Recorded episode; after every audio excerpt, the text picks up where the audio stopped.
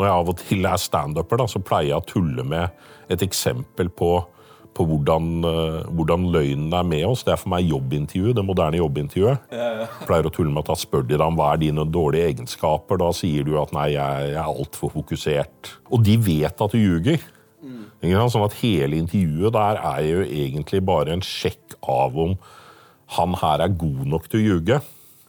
Det er så utrolig bra sagt. Ja, så, sånn at du har en du, du har en sånn Jeg ljuger, de vet at du ljuger. Jeg vet at de vet at jeg ljuger. Og ingen snakker om at vi ljuger. Og det er en sånn, for meg en sånn eh, veldig godt bilde på det vi holder på med hele tiden i Vesten. da. I Russland vet man at myndighetene lyver for deg. Du må late som at du tror på løgnene til et visst eh, en viss grad må du gjøre det for å kunne leve i dette samfunnet. I Vesten så har vi også våre egne autoritære mekanismer som, som vi ikke er like avklarte som russerne. Vi har ikke kommet til det punktet om at alle vet at, at, at de lyver for oss. Velkommen til Toyes time, en Minerva-podkast. Dersom du er interessert i å støtte Minerva, så foreslår at du løser abonnement, eller så kan du bare sende en liten vips til Minervas nummer, som du finner på nettsidene til Minerva, eh, merket Toyes time. Og i dag har jeg med meg et av mine favorittmennesker her i Norge, Ole Asbjørn Næss. Eh, du er meg et mysterium. Første gang eh, jeg støter på deg, så har du skrevet en av de mørkeste romanene i Norges historie. Det er 'Natt'. Aftenposten i deres anmeldelse skrev de en kan saktens lure på hva som foregår i hodet på Ole Asbjørn Næss. Hva er det som foregår i huet på Ole Asbjørn Næss? Ja, det er jo det jeg prøver å Det er jo det jeg skriver om, holdt jeg, på, holdt jeg på å si. Men eh, det er jo veldig mye som foregår. Men eh, 'Det er natt' var jo et Eh, et veldig Jeg har jo alltid vært veldig opptatt av eh, filosofi, da. Eller i hvert fall liksom hverdagsfilosofi i form av sånne store spørsmål. At jeg har vært veldig Jeg har likt sånne spørsmål som gjør deg litt eh, studerte jo litt filosofi, og det likte jeg litt, for der av og til så får du sånne spørsmål som gjør deg litt svimmel. da. Ja, når du begynner å spørre Når du, når du, når du begynner å forstå at mennesket, samfunnet, eh, det er en langt bredere normal enn det vi er. Eh, det vi er liksom, for vi er jo sånn hva som er normalt, og hva som er abnormalt. Men, men, normalen er en del bredere enn det samfunnet aksepterer. Ikke sant? Jeg, jeg, leste i går, jeg driver og leser 'Krig og fred' om igjen nå. Og der skriver Der har Tolstoy en veldig, veldig fin observasjon hvor han skriver at uh, vi mennesker er ofte som, er, som en skipper på skuta i godvær. da. At vi flyr rundt på skuta og, og, og gir ordre og forteller hvor vi skal. Og så plutselig kommer stormen, hvor skuta bare blir kastet rundt av krefter utenfor vår kontroll. Eh, og skipperen har ingenting han skal, eh, skal ha sagt lenger. Det er bare å skalke lukene. Og det er alltid det som har det har alltid fascinert meg veldig i litteratur. Da, at jeg føler alltid at Eh, eller veldig mye litteratur som jeg har lest, da, er litteratur som foregår eh, i sånn smult vann. Når, eh, husker når jeg gikk på forfatterstudiet, så sa Eldrid Lund til meg at du må, du må, skrive om det å gå på butikken og handle melk og brød. Ok, det er det, det, er det Knausen gjør, er det ikke det? Ja, jeg skal ikke ja, jeg, eller, eller, i hvert fall veldig mange har gjort det. Da, at Denne hverdagslige poetikken. Mens for meg har det alltid vært litt sånn Nei, jeg liker, jeg liker de store spørsmålene og, og, og masse handling og, og, dramatiske hendelser og store begivenheter. Og der føler jeg vel at norsk samtidslitteratur kanskje har vært litt eh, for lite dramatisk. Da. Og nettopp dette her med at det blir en sånn en veldig Jeg pleier alltid å minne meg selv på at min min mor, eh, som er født i 1933, at hun hadde tyske soldater i stua si da hun vokste opp. Altså min eh, og, og, da tenker jeg det er, liksom, det, det er det utfallsrommet vi lever i. Og hvis du ser da, hvis vi tar en nærere tid, da, så hadde vi eh, så hadde vi 9-11. Mm. Og så fikk vi finanskrisen, og så fikk vi 22. juli. Og så fikk vi oljekrisen, og så fikk vi pandemi. Eh, og nå har vi en landkrig i Europa. Eh, og, og det viser også hvordan vi hele tiden balanserer på en slags sånn grense av kaos. da. Ja, for Det jeg syns er så kult med boka, er at ikke sant, hvis det er et, nå bare, Dette er hvordan jeg leser boka. Eh, liksom Spørsmålet som ligger implisitt i hele boka, er hvorfor ikke? Ikke sant? At for det, eh, Den har blitt sammenlignet med en slags nor norsk American Psycho, men det er det ikke. Eh, American Psycho er, for, selger deg en pakke. Den forteller om eh, jappetiden som har gått amok. Eh, du forteller ikke om noen jappetid som har gått amok. Eh, du beskriver et, et samfunn der insentivene er i endring. Insentivene for god oppførsel, for moral. Alt sammen er liksom, Hva skjer hvis vi ikke lenger har Kirken, som, så, som forteller oss hva, hva, hva, vi, skal gjøre? Hva om vi ikke har kjernefamilien og ekteskapet innenfor de rammene som det det en gang var? Hva om Hva med meg? Og hvorfor ikke? Eh, og det gjør det hele så forbanna mye mer skremmende. ikke sant? Fordi den er jo sånn du, liksom, du, du, du er veldig god på å trekke oss inn i hovedpersonens perspektiv, der han stiller seg spørsmål filosofiske, kanskje. Eh, men de er høyst reelle også. For en russofil eh, person, da, det er jo eh, et belastning, i hvert fall kulturelt sett, så har jeg alltid vært veldig, veldig glad i både russiske komponister og, og, og russiske forfattere. Grunnen til at jeg har vært så opptatt av russere, er det at de, de setter det ting så innmari på spissen.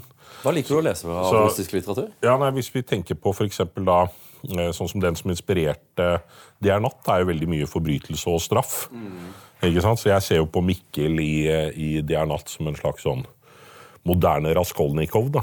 Og Raskolnikov har jo veldig denne eh, har jo veldig denne opptattheten av at eh, siden Gud er død, mm. så er allting lov. Mm. Eh, og så kan du si at Mikkel er en Raskolnikov eh, av vår tid, da.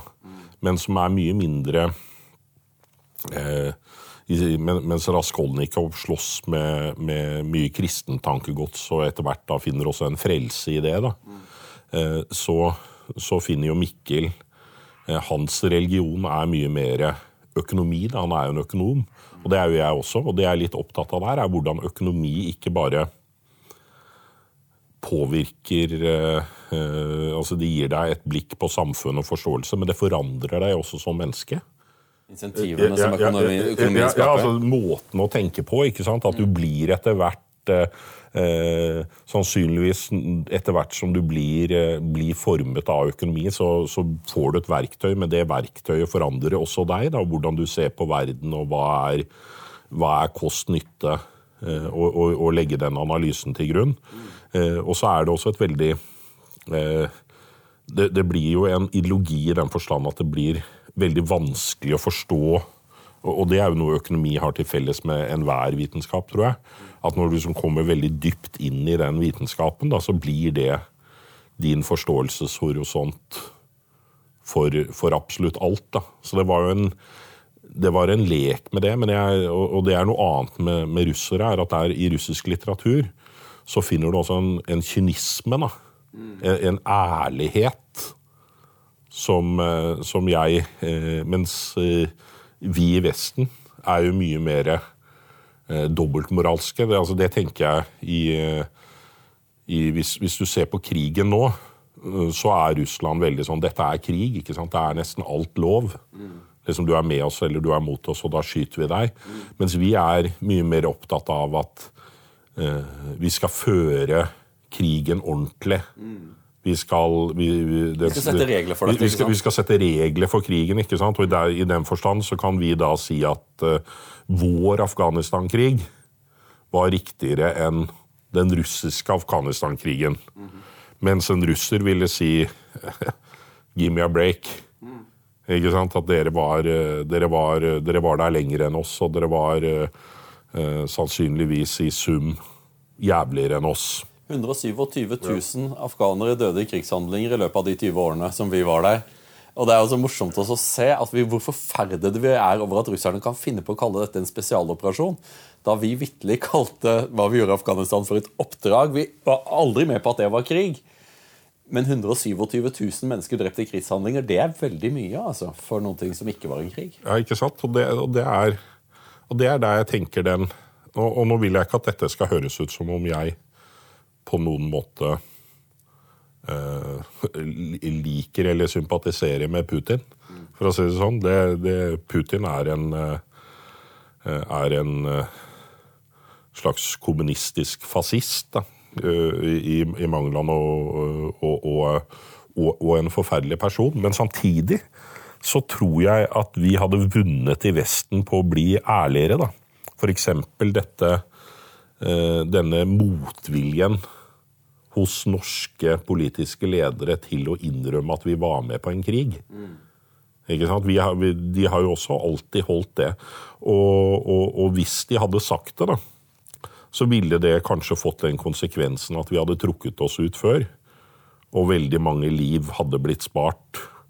Og resultatet hadde jo blitt det samme. Taliban-styret eh, før eller senere. Da. Men det er kanskje litt hvorfor jeg skriver. da. Det er litt den eh, at jeg føler at det å være ærlig, da, og, og, og, og en, uh, i en roman så kan du behandle mange flere aspekter, mange flere dimensjoner enn det du kan gjøre i en artikkel eller i en, eh, i en, eh, i en samtale. Fordi at en, en, roman kan både være filosofisk essay og den kan være en uh, handlingspakket action, uh, psykologisk studie.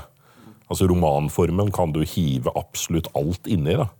Men selvfølgelig, den har jo én stor svakhet. da. Og det er jo det at du er fryktelig avhengig av en velvillig leser. Mm. Eller å treffe leserne. Det er, og det er jo også etter hvert en uh, Jeg føler jo ikke at jeg akkurat uh, har Jeg har jo ikke hatt noe kommersielt gjennombrudd som forfatter. Det er jo ikke sånn at jeg kan lene meg tilbake og leve på royalties. ikke sant? Så, så, Nesten ingen kan det. Eh, nei, men eh, eh, og, og, det er du, du, spurte her før vi begynte hvorfor jeg vrei meg til, til krim. da. Ja. Og det er nok rett og slett litt det derre At jeg opplever at veldig mye norsk Eller mye sånn kunst da, i Vesten vrir seg veldig vekk fra folk. da. At det blir en sånn, litt sånn som samtidspoesi at det er blitt veldig innadvendt og lukket. Og da føler jeg at det dør. At jeg tror ingen eh, eh, jeg tror på jeg, jeg, har lyst på mange lesere, sånn helt ublygt. Det, det, er jeg også. Men for å ta, for å ta opp det du sier for det, det, er noe som er åpenbart er sant, men det er litt sånn avhengig av at du har lest en, lest en del russisk litteratur. Så jeg selv er veldig glad i Solzjenitsyn. Og en av de tingene som Solzjenitsyn skriver om, er sant, i Russland vet man at myndighetene lyver for deg. Eh, altså det, er, det, er, nyttige løgner, og du må late som at du tror på løgnene til et visst eh, I en viss grad må du gjøre det for å kunne leve i dette samfunnet, men det skaper også en slags frihet. Det at du vet at de lyver for deg, til å være ærlig om andre ting. Og du får en sånn kr utrolig krass form for, eh, for, ærlighet som stiger opp gjennom mye av det mye russisk forfatterskap, fordi alt aldri levde i demokratier. Eh, og det står en slags sånn det en, eh, og det er noe som kommer fram i, i det natt, er at eh, også vestlig samfunn lyver for oss selv. Eh, men og også her er vi avhengig av noen grad å late som at vi tror på ting som vi ikke vet eh, helt stemmer. Eh, samtidig som at eh, farene er også ganske betydelige i, i Vesten. Så, så, jeg hadde en pod her med, med Rødsten, Eh, og så skulle jeg, altså bare, jeg var i England skulle jeg sjekke det, så det var umulig å få høre det på den poden, fordi at Rødsten hadde sagt noen ting om koronavirusets opprinnelse. Og da ble det liksom tatt ut av den normal-YouTuben og lagt i en sånn der eh, for eh, Er du sikker på at du vil inn, inn her-rom? Fordi han hadde sagt at ja, men det står jo ikke til troende. Den forklaringen vi har, blitt, vi er, blitt gitt, står ikke til troende. Og da blir det liksom løftet ut i den og da, for at jeg var på et universitet i England, Eh, så ingen som er ved et universitet, kan få lov til å se den YouTube-videoen. Eh, så liksom det, det Jeg forsøker bare å få fram at i, i, Vesten så har vi også våre egne autoritære mekanismer som som vi ikke er like avklarte som russerne. Vi har ikke kommet til det punktet om at alle vet at, det, at, at, de lyver for oss. Alle vet at Putins beskrivelser av krigen ikke stemmer. Alle vet det. Eh, og, og, det og det muliggjør da en ganske sånn kald, kynisk virkelighetsbeskrivelse der vi i Vesten sliter litt med det. og Tror du boka di ble litt for ærlig? Jeg tror jeg vet ikke, altså alle Det er jo veldig vanskelig å, å, å, skrive bøker. Da er jo avhengig av selvtillit. Det er vel i hvert fall jeg, jeg det. Så, så, jeg skryter jo voldsomt av mine egne bøker inni mitt eget hode, da. Mm. Så, men det jeg tror uh, jeg, jeg, tror vi har en tendens alle sammen til at vi liker å lese ting som forteller oss det vi allerede vet. da. Og i den grad en bok utfordrer et bestående paradigme eller noe vi finner behagelig eller vekker uro, mm. desto, desto vanskeligere har man for å omfavne den. Da. Og dette var jo en bok jeg skrev, for jeg valgte jo et førstepersonperspektiv, jeg-form, eh, hvor jeg liksom virkelig skulle skrive frem jeget, og så skulle leserens reaksjon være skrik imot. Og det tror jeg nok kanskje var en Eh, eller jeg tror kanskje jeg hadde gjort det enklere for meg selv da, hvis jeg hadde holdt det i tredjeperson. Så, så eh, ja. ja, og holdt én distanse, en distanse mer, og kanskje lagt inn eh, noe mer eh, typiske realistiske forklaringer, et eller annet. For, jeg, for, for meg så var jo dette en veldig sånn et filosofisk eh, og, og tekstlig eksperiment. Da, og, og, en lek, kan du si. Eh, men det var jo ikke ment eh, Noen kritiserte jo boka for at han var, at han var usannsynlig. Da. Han passet ikke med den gjengse eh, forbryteren. Men der føler jeg vel at kanskje ettertiden har gitt meg rett. At jeg føler at mye av det som du ser nå med den oppblomstringen av f.eks. incel-bevegelsen, og, og, og, og, det fokuset vi har hatt på vestlig mannlig sinne da. Etter det så føler jeg jo at boka var tidlig ute. da. At den tok, eh, at den tok det veldig eh, tok det veldig bra. Så, så sånn sett så syns jeg jo at boka står, seg, står som ei påle, da. Men, eh, men eh, eh jeg er jo mild, mildt, mildt, sagt inhabil. ja, du er inhabil, men jeg, jeg, jeg syns bare, boka er så for, jeg synes bare at den er så forbanna interessant. På grunn av at liksom, du vet, Freud hadde en tanke om at Han snakker om seksualitet, men seksualitet som undertrykkes, vil gi seg utslag i perversjon. Eh, og det, det, han, gjør, han, sier liksom at så restriktive som vi er på sex i, eh, i Habsburg, det er ikke en god idé. Eh, for det gir seg utslag i perversjon. Mens, mens din bok er, liksom er, er og tar det og, så, og plugger inn ampen og skrur opp til 11. Nei, det er ikke bare seksualitet. Det er hele pakka. Eh, og, liksom, og, denne, og denne Mikkel-skikkelsen blir en person som, som, i likhet med deg selv lever i samfunnet, som spiller etter samfunnets regler. Han aksepterer, han aksepterer at de finnes. Eh, men dette skaper jo en dissonans i han. Han, ikke, han, jo, han, får ikke dette til å funke. Ikke for seg. Eh, utad får han det til å funke, men ikke for seg.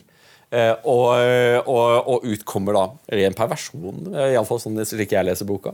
Ja, og det er Og det er vel litt det jeg mener at det er den terskelen vi har for et godt, vellykket liv, da, eller for å i, i og med at vi har Jeg pleier ofte å vende tilbake til et dukkehjem. For der har du, eh, der har du jo Nora og Helmer eh, i dette borgerlige ekteskapet sitt. Og Nora etter hvert som utfordrer Helmer at hun, hun er ikke fornøyd med denne rollen med at hun er eh, hans lille lerkefugl, og han er forsørgeren. Hun mener at de skal forenes i en sann kjærlighet. Da. Og det tror jeg er denne Eh, Nora sin forståelse av sann kjærlighet, da, den tror jeg ligger veldig sterkt i, i, oss alle i vår tid. At det er egentlig det vi drømmer om i ethvert parforhold. Da. At det, det burde kanskje vært ekteskapsritualet vårt. At, eh, at hun sier at 'jeg ser deg, Ole Asbjørn, med alle dine feil og mangler, og jeg elsker deg'. Og, og, og jeg kjenner hele din forhistorie, og jeg elsker deg. Og så sier eh, jeg til henne da, at 'jeg ser deg med hele din forhistorie, alle dine feil og mangler, og jeg elsker deg'. Og så skal vi da i en slags sånn voldsom symbiose, da. Bare eh, danse oss gjennom resten av livet som, eh, som likestilte parter. Det kommer jo ikke til å gå. Eh, nei, altså jeg tror eh, i hvert fall for veldig mange så går det ikke i det hele tatt. Og, og, og, og, for mange av dem det går med, så, så skal du jo ha voldsomme økonomiske ressurser da, for å få det til å funke. Eh, og, men dette er jo ikke noe som ikke går bare i Norge. Altså nå, nå, nå, En sånn gammel kjepphest for meg er jo demografi. Eh, og, og det var jo en ting jeg ble veldig opptatt av eh, allerede sånn rundt 1999-2000, hvor du særlig så Da så du allerede da de veldig lave fødselstallene i, i Europa. Eh, og også i Russland, og da var de forholdsvis høye i Norge. Da lå det sånn, Lenge lå jo Norge som en litt sånn Rundt 1,6 for Norge, mens resten av Europa begynte Ja. å falle ned på ja, ja, da, 1,3-tallet. ja, da, lå, da lå Norge så høyt som 1,9, tror jeg. Ja, okay. tilbake der, så I Norge var det liksom ikke noe oppmerksomhet rundt det. Men jeg tenker alltid at der har vi Vi har Vi har en veldig eh, Vi har en veldig spesiell tid, da. Hvor, hvor, hvor- vi liksom mislykkes med det som samfunn. Og, og, og hvor jeg tror at den eh, det, det er en sånn, sånn ting som jeg har vært opptatt av. Da, for dette er jo sånn et kjempeproblem, mener jeg. At vi, vi igjen eh, Over tid så, så vil vi jo forsvinne. Eller bli færre. Men, eh, men i den grad vi snakker om det nå i vår tid, da, så vil jo eh, de fleste i miljøbevegelsen vil si at dette er bra. At dette er jo fint. Liksom, kloden har allerede for mange folk, og vi tar nesten noe, nesten noe ansvar eh, ved det. Mens jeg tenker at det er mer et eh, det, det er det store eh, feltet hvor våre samfunn mislykkes. Da. At der har vi virkelig klart å, å, å, å- ødelegge noe. Men igjen, vi tør egentlig ikke se på det. da. Vi tør egentlig ikke Og, og, og det er litt den derre Enhver debatt eh, ja, nå, du, snakket om løgn, da. Og, og i løgn i Vesten. Men jeg tenker en, når jeg av og til er standuper, så pleier jeg å tulle med et eksempel på, på hvordan, eh, hvordan løgnen er med oss. Det er for meg jobbintervjuet, det moderne jobbintervjuet. Ikke sant? For alle, alle som har vært på et jobbintervju, vet jo at jobbintervju eh, så spør han deg om Jeg pleier å tulle med at da spør de deg om hva er dine dårlige egenskaper. Da sier du at nei, jeg, jeg er altfor fokusert. Ja, nettopp, Tenker bare nettopp. på jobben. Altfor alt, alt for opptatt av detaljer og for allting riktig. Det er veldig Og, viktig og for så spør de deg hvorfor akkurat dette selskapet, og sannheten er jo at sannsynligvis så er det for at du trenger penger. og eh, nå må jeg ha en jobb fort. og jeg har... det var eller- de som kalte deg til intervju, Det var ja. de som kalte deg intervju, ikke sant? Og du, du tror ikke du får noen av de andre jobbene du har søkt på, men da må du jo med en gang si at du er veldig interessert i DNB sin mangfoldsstrategi, og du syns det virker så spennende, et eller annet. Sånn at det, og de vet at du ljuger. Mm. Sånn at hele intervjuet der er jo egentlig bare en sjekk av om han her er god nok til å ljuge. Det er så utrolig bra sagt. Ja, så, sånn at du har en du, du har en sånn Jeg ljuger, de vet at du ljuger. Jeg vet at de vet at jeg ljuger. Og ingen snakker om at vi ljuger. Og det er en sånn, for meg en sånn eh, veldig godt bilde på det vi holder på med hele tiden i Vesten. Da. Og så kan man kanskje si til forsvar for den løgnen her, da, at det er bedre. Kanskje er det bedre med en del løgn og en del mo- dobbeltmoral og en del falske, høye prinsipper enn den brutale kynismen, da. Jeg tror nok at du, jeg tror nok Ja. at du har rett at på et, eller annet, på et eller annet punkt så er den brutale kynismen en, sånn der, eh, en filosof eller en konges innsikt. Det bør ikke være samfunnsmoral. Samfunnet må holde sammen av noen ting. På den, andre, på, den, andre- på den andre side så har du liksom det, og det er også interessant med, med russerne for å vente på, eh, Siden de har opplevd så jævlige regimer, så, så, så, så har de vært langt mer åpne med seg selv i forhold til løgn. Bare gi deg et eksempel. Ikke sant? Mark Zuckerberg har investert hele Facebook i Meta. Han skal lage det Metaverse. Og kron, liksom, kronjuvelen i dette er deres nye Artificial Intelligence-plattform. Problemet er at ingen liker den jævla plattformen. ikke sant? Eh, så de, når de startet, så hadde de 200 000 folk som, eh, som, som hadde meldt seg på dette, som er veldig lite. Og så begynte folk å melde seg av. Og så går det ut et brev fra Den høye port til arbeiderne. Som da, la oss si da, at de, Mange av disse arbeiderne har gjort nettopp det, at, liksom, at de våknet ikke opp som barn og ville jobbe for Meta, de, men de fikk jobb i Meta. Og så, er det veldig anklagende om at liksom, folk elsker ikke dette produktet. Men det må vi gjøre, for de kommer jo ikke til å elske det hvis ikke vi elsker det.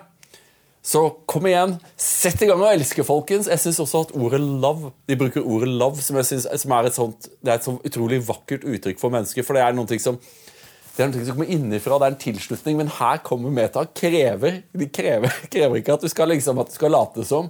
Du skal faktisk elske det. Kom igjen nå! Ikke sant? uh, og det er jo liksom den der greia som jeg forsøker å få liksom, Folk må ikke tro at jeg er tilhenger av konspirasjonsteorier. Jeg har den oppfatning at det aller meste som kan forklares med konspirasjonsteorier, forklares langt bedre med en kombinasjon av kaos og inkompetanse. Uh, men, men det er mye i det moderne liv der det er ganske mange regnestykker som ikke går opp, og som du bare velger å se bort ifra. da. Uh, at ja, det ville vært greit å vite hvor koronaen kom fra. Og, og strengt tatt, så, som voksen menneske så ville du jo trodd at det burde være en stor interesse blant myndigheter for å finne ut hvor det kommer fra. Men ja, ja. ja eh, det er sikkert greit.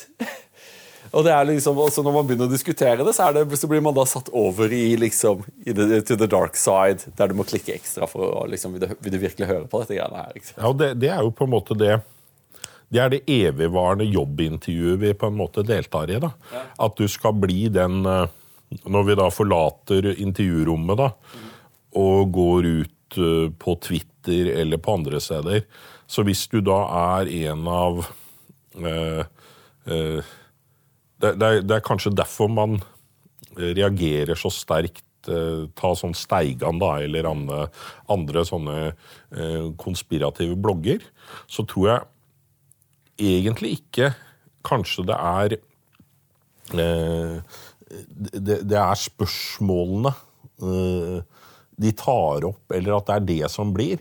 Men, men det, de, det, de, på en måte viser, da, det er det at de er utenfor dette her subtile spillet.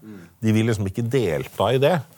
Og da viser du en form for sosial inkompetanse, da som gjør at du blir ekskludert. At liksom, vi kan ikke ha deg, fordi at dette, denne scenen vi alle skal delta i nå, har visse formkrav. Og du som da for eh, eksempel Ta sånn med covid, ikke sant. Så jeg, jeg, jeg, kan ikke noe om covid eller noe, som jeg bare anta at det er liksom én dose ved WHO, én dose CDC i USA én eh, dose kinesisk, én dose CIA. Og så er det på en måte Og så vil det være noen epidemiologer og noen historikere som roter i det her. Men, men, liksom, nå må vi andre bare move on. Ikke sant? Denne pandemien er over, og så kjører vi videre. Mens eh, så vil enkelte da bare si at ja, vi kan jo ikke kjøre videre. Dette var liksom Verden stengte ned. Vi må vite hva som skjedde. Vi, vi, vi kan ikke gå ut. Men liksom da, da, har liksom alle andre bare hoppa på det andre toget. Og så er, de, de, de, har bare moved on, ikke sant? Ja, de, har moved on, sånn at det, du, du, du, ikke finner ut noe mer av hva som egentlig skjedde. For de er jo ikke noen posisjon til å til å gjøre virkelig gravejournalistikk på det feltet. her. Da måtte du dra til Kina og besøke dette berømmelige eh, laboratoriet. Altså, ja, man måtte, du, du kom, man måtte, gjort et stykke arbeid. Ja, ja, som, som, hadde vært enormt, ikke sant? Men du, men du kommer ikke der. sånn at det, det er litt den derre Og det er denne sånn den, Og noe annet tenker jeg sånn med den alternative energikommisjonen, da, som kom nå. Og, og, og, det er jo litt det samme, ikke sant? For at den jeg har veldig mye sympati med kritikken av gammel strømpolitikk, og jeg mente jo at det var feil med de kablene og, og sånt noe, men samtidig så er dette er liksom vedtak som ble gjort for ti år siden. da.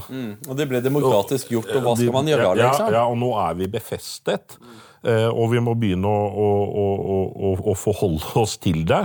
Og da kan liksom, hvis, hvis svaret hele tiden er at nå skal vi bare spole tilbake da, og gjøre om på det, eh, som ble vedtatt den, den gang, fordi det var sterk interesse for, og nå har de interessene festet seg enda mer, så blir du bare stemplet som irrelevant. Sånn som den alternative energikommisjonen tror jeg kommer til å eh, Den er liksom død og begravet om eh, 14 dager, da. Så lenge, altså? Jeg tror at den kommer til å være død og begravet altså- mer eller mindre samme ja, dag ja, som det ble var- legget frem Ja, for det deg. var sannsynligvis død, men da, det lever et lite liv litt i fellesforbund og hele der. Men, men den energikommisjonen som sitter og jobber nå, kommer ikke til å forholde seg til den. Altså, det, det er denne eh, og, og, og det er litt morsomt, for jeg er jo alltid eh, Jeg er jo ikke noe flink til sånne subtile danser selv. Ikke sant? det- da, da, hadde jeg sannsynligvis si, det- vært eh, Da hadde jeg sannsynligvis eh, solgt mye mer enn en det jeg har gjort. Men, eh, men eh, ja, det er noen observasjoner jeg gjør meg, da. Ganske mange forfattere som skriver en sånn bok som deg, ville ha bare flytta på, hy på hytta og liksom isolert seg fra, fra menneskene og skrevet, skrevet, skrevet. Men du tok steget ut i livet. Fra, liksom, fra etter, etter å ha skrevet, og så blir du en av Norges eh, ja, kanskje mest folkekjære journalister. Eh, skrev for Finansavisen, gjorde du ikke det? Jo. Eh, og der, der gikk du opp imot noen av for liksom, Jeg tror at du er ganske inspirert av, av Ibsen. Ibsen sier jo at hvis du tar livsløgnen fra et menneske, så har det også deres livsberettigelse fra dem. Eh, mens også du nappet jo i en del av de kompromissene der alle sammen var enige om noen ting som rent faktisk ikke stemte, men alle var ganske komfortable med at vi i det minste var vi enige. Da. Og det var også på, på, på innvandring. Hvordan opplevde du det? Det var jo det er litt sånn, der, der vekker du på en måte meg, for det husker jeg veldig godt. at Det er jo en, det følger jo litt av det å være opptatt av demografi, eh, være født i Oslo og se hvordan byen forandrer seg. da. At, du blir, eh, at du blir opptatt av det. Og så følte jeg at der var det en sånn offisiell løgn. da. Som veldig mange sto for. Altså Høyre, Arbeiderpartiet, eh, Samfunnscivita var på det, Ny Analyse eh, var vel det som sa det at statsfinansielt sett så er innvandring, eh, og da ikke-vestlig innvandring, kjempelønnsomt. Og da følte jeg bare at løgnen ble for drøy, da. At da må du si ifra. Eh, og så er det sånn jeg, jeg har alltid vært veldig opptatt av popper. da og det åpne samfunn. Og, og da mener jeg at hvis det åpne samfunnet skal fungere, så kan du ikke ha blindflekker. Du må kunne gå inn og diskutere, og etter hvert så vil jo liksom debatten eh, kanskje liksom bevege seg, men du må i hvert fall tørre å ta den, da, eller eh, du, du, kan ikke bare si eh, skrive tabu, og så ikke gå inn der. Nei, for Jeg antar jo nå at, ja. at alle dine uh, journalistkolleger som kritiserte deg sønder og sammen da du, da du skrev om dette, de har vel alle kommet og beklaget og innrømmet at de tok feil, tatt deg i hånda og sier sorry? Nei, nei altså For det er jo ikke sånn det funker, er det? Nei, nei altså det de det, det som skjedde der, var jo først en sånn voldsom stillhet. da. For jeg husker når vi kom med den innvandringsregnskapartikkelen, så trodde jo jeg at nå skulle det bli ordentlig rabalder, og så ble det stille. Og så ble vi kalt inn til Finansdepartementet, da, som ettergikk eh, regnearkene. Eh, og så husker jeg at det var en eh, fra statsministerens kontor som var litt sånn spydemote på Twitter. Og da husker jeg jeg er ganske hissig, så da ble jeg veldig hissig. Da sendte jeg ham alle regnearkene. Var han het, hva het han for noe, han der eh, typen? Han eh, ja, Nå husker jeg ikke, men, eh, men da sendte jeg ham regnearkene, og da sendte jeg det også til alle på SMK. da, Og sa at ikke ljug på Twitter om, eh, om, eh, om de resultatene her. For det er jo ikke, altså det er jo ikke rocket science liksom, at det er, er, mange, er, mange, er, er veldig mange trygdet. Så, så, så blir det dyrt. Og, og der føler jeg at man i hvert fall har klart å flytte debatten. Altså, det er ikke noe snakk om det er jo ikke noe snakk om nå at, at flyktninger ikke koster penger. Ikke sant? Det, det, det, det skjønner enhver i, i, i Der har liksom det åpne samfunnet fungert. da. Mens hvis du ser da forskjellen på Norge og Sverige, da, var at i Norge har vi i hvert fall hatt eh, debatt om det. Blaff av det, Ja, ja, ja, ja, men om den debatten har vært for, eh, for mye overlatt til Frp, da, og, og, og at eh, venstresiden har sviktet fundamentalt der. Fordi de burde jo virkelig vært interessert, f.eks. en ting som jeg alltid har tenkt er liksom Hvorfor er ikke venstresiden mer opptatt av at forskjellen mellom innvandrergrupper er så stor? Sant? Hvorfor gjør tamiler det så, det så bra og somaliere så dårlig? Sant? Gått inn og sett på det. Og liksom, hva, hva kan somaliere lære av tamiler? Og, og, og hatt direkte overføring, utfordret det, det, somaliere på det, f.eks. Men, men isteden så har man bare hatt en sånn eh, lagt det. Mens i Sverige, hvor man la helt lokk på det, da, så ser du at der ble jo utviklingen eh, mye verre. Og når du får et skifte, da, så blir det veldig, veldig brutalt. Og, og, og de må dra i bremsen eh, så til de grader. Eh, og, men hvor man har nådd nivåer, da. Eh, som gjør at man spør seg liksom, hvordan kommer dette til å gå, eh, gå om ti år. ikke sant? For det er jo også en sånn eh, Jeg pleide å si en stund at jeg tror man skal være veldig forsiktig med, med å, å la mange mennesker komme, men samtidig få dem til å føle seg uvelkomne. Eh, så, så jeg er litt den der Ofte så er det smartere å liksom Hvis veldig mange skal komme, så bør du la dem føle seg veldig velkomne. Eh, sannsynligvis. Mens hvis du havner i den, eh, sånn som jeg tror kanskje Sverige kommer til å havne i nå, da, at de har latt masse mennesker komme som nå etter hvert kommer til å føle seg veldig uvelkomne, eh, så spørs det hvordan det her blir. Men sånn journalistisk sett så er det også Dette er jo også sånn gullgruver, da. Eh, sånne blindsoner. For det er jo superopptatt liksom, Ingen andre Det er kjempeviktige saker. Og veldig mange bare lukker øynene og vil seg ikke forholde seg til det. Så da kan du jo leve, leve godt og bli anerkjent og ha det bra, så lenge du holder liksom Du holder eh, de journalistiske grunnreglene, da. Og- Ja, men Hvordan gikk det egentlig for deg som, som journalist? For dette, så jeg har snakket med journalister som, som, som ser det du sier, at det er en gullgruve, og det er gode saker man kan skrive. Samtidig som journalister er veldig redd for omdømmetap. da. At de, skal liksom, at de på en eller annen måte skal bli eh, mistenkeliggjort fordi at, eh, at det var da mistenkelig hvor opptatt du var av negative sider med, med innvandring. Hvordan funka det for deg? Nei, du får jo altså, Du blir jo litt Du blir jo stempla. Det blir du jo. Men samtidig så øh, Så er jeg veldig sånn At hvis du har rett, da at, og, og, og hvis du samtidig har god samvittighet da, At jeg følte jo ikke at det, var, at det var uedle motiver bak det her, eller at jeg hadde en, en, en sånn fordekt eh, eh, strategi som ikke tålte dagens lys, så er jeg egentlig ganske lite skuddredd. Da. At da tenker jeg at da er det bare å ta debatten. Og akkurat der så følte jeg at jeg kunne ta det med hvem som helst. At dette er ikke Poenget var ganske banalt. Dette er ikke statsfinansielt god butikk. Dette vil skape kjempeutfordringer på masse felter i samfunnet. Eh, Det vil eh, ha eh, problemer på å skape utfordringer innenfor utdanning, innenfor arbeidsmarkedet, innenfor likhet og forskjeller. Altså you name it. Og, og det tenker jeg er liksom sånn Hvis uh, eh, Altså du kan ikke være så redd, da. Altså når du har så rett. Så tenker jeg liksom du lever Det er jo også litt sånn at, at det hadde sikkert vært eh, lurt av meg, da, altså rent sånn karrieremessig, kanskje å gjøre noe annet. Men jeg er ikke lagd for det, da. Altså, I hvert fall ikke privat. Jeg kan, altså hvis, hvis jeg skulle vært min egen rådgiver, da, karrieremessig, så hadde jeg nok sikkert sagt at du blir ikke, det er ikke liksom, dette er ikke den kjappe måten å bli, eh, bli redaksjonssjef da, eller redaktør. Men samtidig så var det jo ikke det som var målet mitt. Målet mitt var jo å skrive noe som var riktig, noe som var sant. Eh, og noe som ikke andre turte å skrive. Eh, og det klarte jeg jo.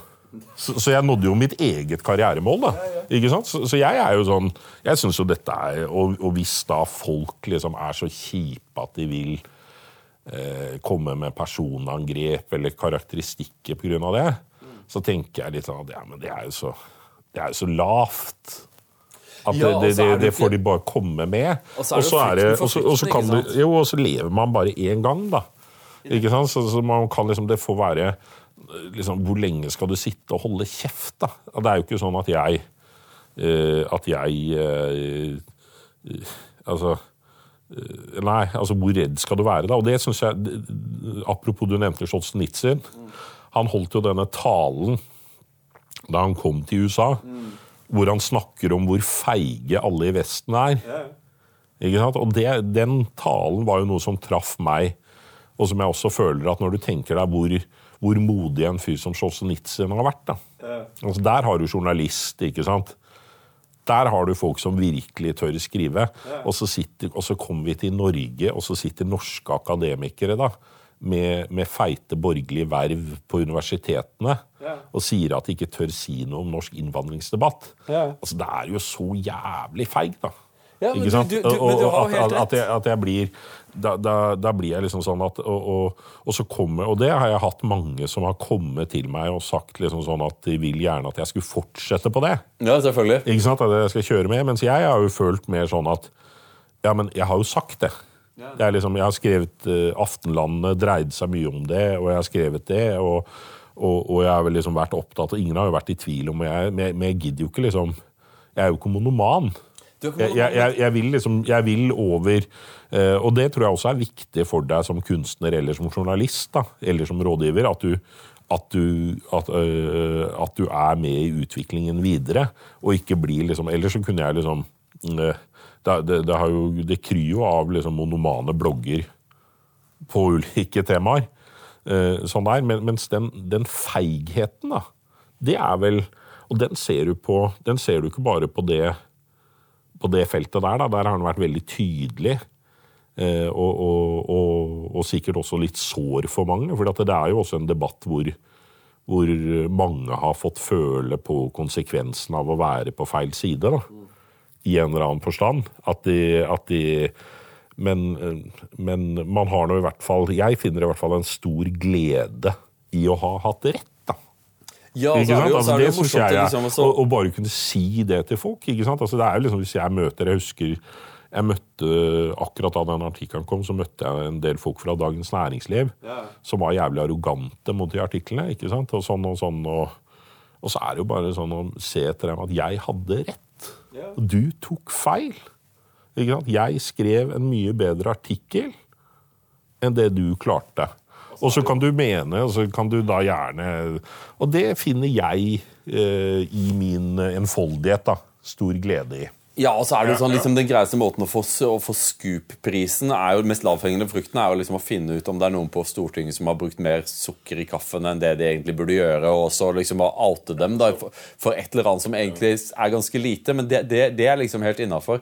Jeg syns det er litt sånn morsomt i vår samtid at ikke sant, eh, hvor tapper er du hvis du alter Holberg for å ha hatt holdninger som var helt gjengse på den tiden Holberg levde? For det er jo liksom et sånt tegn i tiden at folk blir så forbanna tapre når de skal holde dommedag over historiske skikkelser. liksom, om, om var Churchill smårasistisk? Ja, han var smårasistisk, men han levde i en storrasistisk tid. Så liksom, han var mye bedre enn sin samtid. Var, hadde Holberg investert i, i, selskaper som også drev med slavehandel? Jepp. Men det var vanskelig å komme unna det på børsen på den tida. Liksom. Eh, den der, men den der, eh, hvordan folk liksom hever seg opp og, over å være liksom moralsk Eller klarer å være, være mer 2022-moralsk enn det folk som levde for 100 eller 200 år siden Samtidig som at de samme menneskene våger ikke å plukke noe særlig ved vår egen tids livsløgner, og de er det mange av. altså. Ja, det, er jo, det er jo fordi at dette opprøret vårt da, har jo blitt så til de grader institusjonalisert at de som tar klima, da, mm.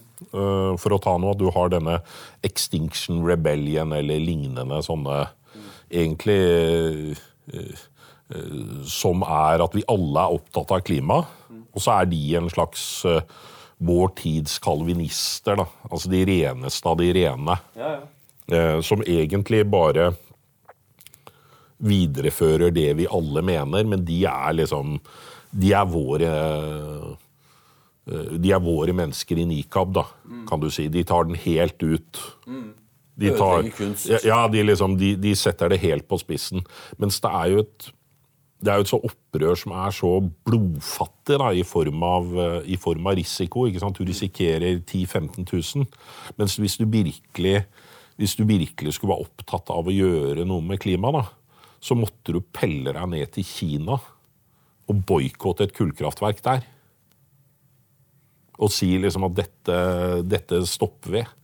Ikke sant? Altså, gjør, noe, gjør, noe som, eh, gjør noe som bringer deg Vis mos- motet til en uh, Solzjenitsyn. da. Fly til Beijing og begynne å angripe kunst. Sett i gang.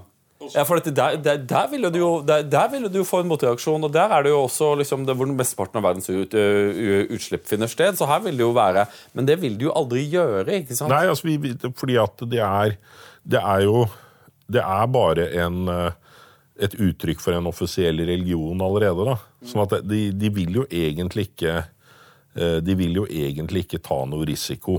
Ikke sant? De vil eh, Det er bare en, en, en rettroenhet, da, en sånn fariseerskhet. Det er jo ikke noe egentlig opprør. og Det er litt sånn som jeg også leser Jeg syns Greta Thunberg er et godt eksempel.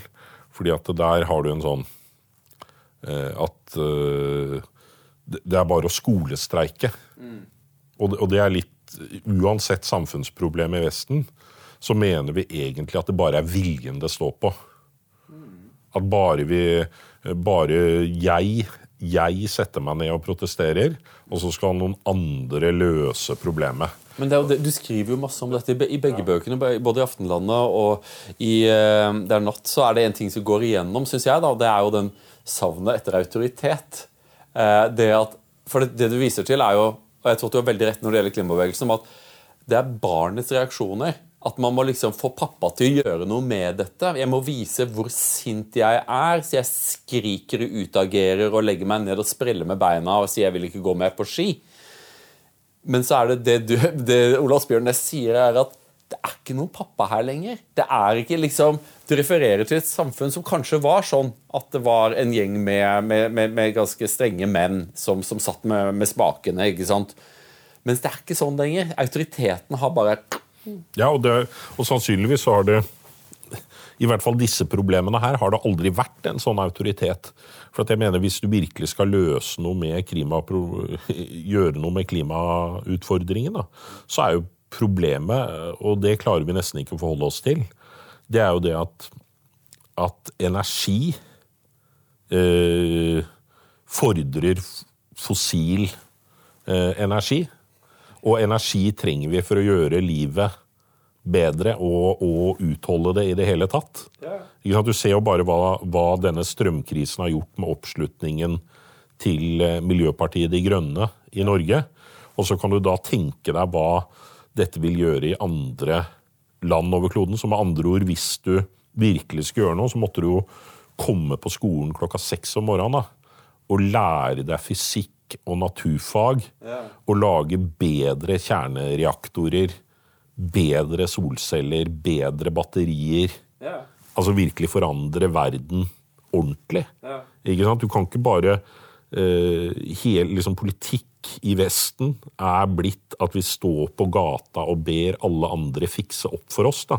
Og samtidig som vi da den ene dagen eh, altså Du har jo mennesker som uten blygsel eh, På den ene dagen så vil de at eh, Støtter de lærerstreiken. Og på neste dagen så vil de legge ned altså det vil si liksom bedre lønns- og arbeidsbetingelser for norske lærere. Og neste dag så vil de helst liksom at vi skal kutte ut olje og gass i dag. Ja, helst i morgen. Ikke sant? Eller i morgen. Ja. Eh, og, og så mener de to tingene samtidig. Og dette er, ikke sant? dette er bare sånn tøys, da. Ja, men som, som men- gjør at uh, Men la meg gjøre et ja, ja. eksempel. for liksom En ting er jo liksom at alle vet jo at, at velgerne vil ha stekt snø. De føler ikke noe behov for å være liksom, at, at deres standpunkter på en eller annen måte må avstemmes mot hverandre. Og det gir seg jo utslag i at alle mener jo at alle andre burde fly mindre. Eh, Men jeg har lyst til å fly like mye som det jeg gjør. ikke sant? Men jeg synes det er så morsomt. Akkurat nå så foregår jo COP27 i, i Sharm el-Sheikh.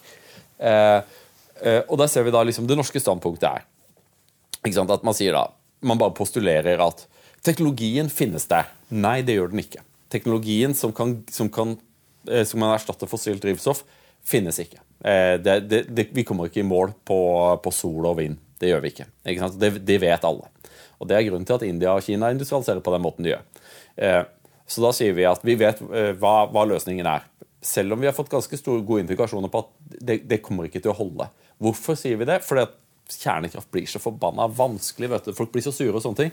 Og så andre er Den store rapporten sier at vi kommer ikke til å nå 1,5 %-målet. Okay? Og Det sier de fra FN. Og sånne ting. Og Hva er den norske posisjonen? Vi må ikke gi opp 1,5 %-målet. Og så må man si liksom, Men faen heller, det var jo nettopp den rapporten vi fikk. Vitenskapsmennene sier at vi ikke kommer til å nå det målet. Det må vi jo forholde oss til. Nei. For det er som du sier, det er et aspekt av religion. Om at vi må klamre oss til et urealistisk mål, for det er det målet vi har. Ja, det er, altså klimadebatt, Norsk klimadebatt er jo så uh jeg, jeg, jeg, tenkte hvis jeg skulle gjøre Hvis man skulle gjøre ett bilde på hvorfor det går så galt, da, så tenker jeg at økonomene har jo lenge sagt hva som ville være løsningen her. At det ville være enten, en form, enten et kvotesystem på utslipp av klimagasser, hvor man fikk satt liksom en markedspris på dette, eh, eller en, eh, en, eh, en avgift. da og begge de to løsningene kan liksom i teorien løse problemet.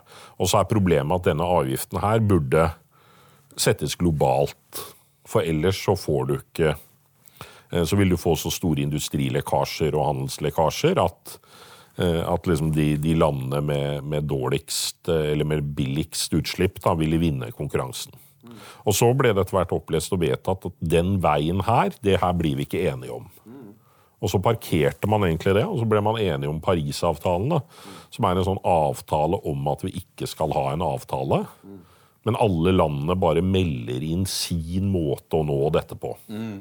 Sette mål, så får alle ja, finne veien ja. selv. Og, og, og, eller for å si det på en annen måte, da, at vi klarte ikke å bli enige om den billige, rasjonelle måten å gjøre det på. Mm. Så nå skal alle for seg gjøre det på sin irrasjonelle og dyre måte. Ja.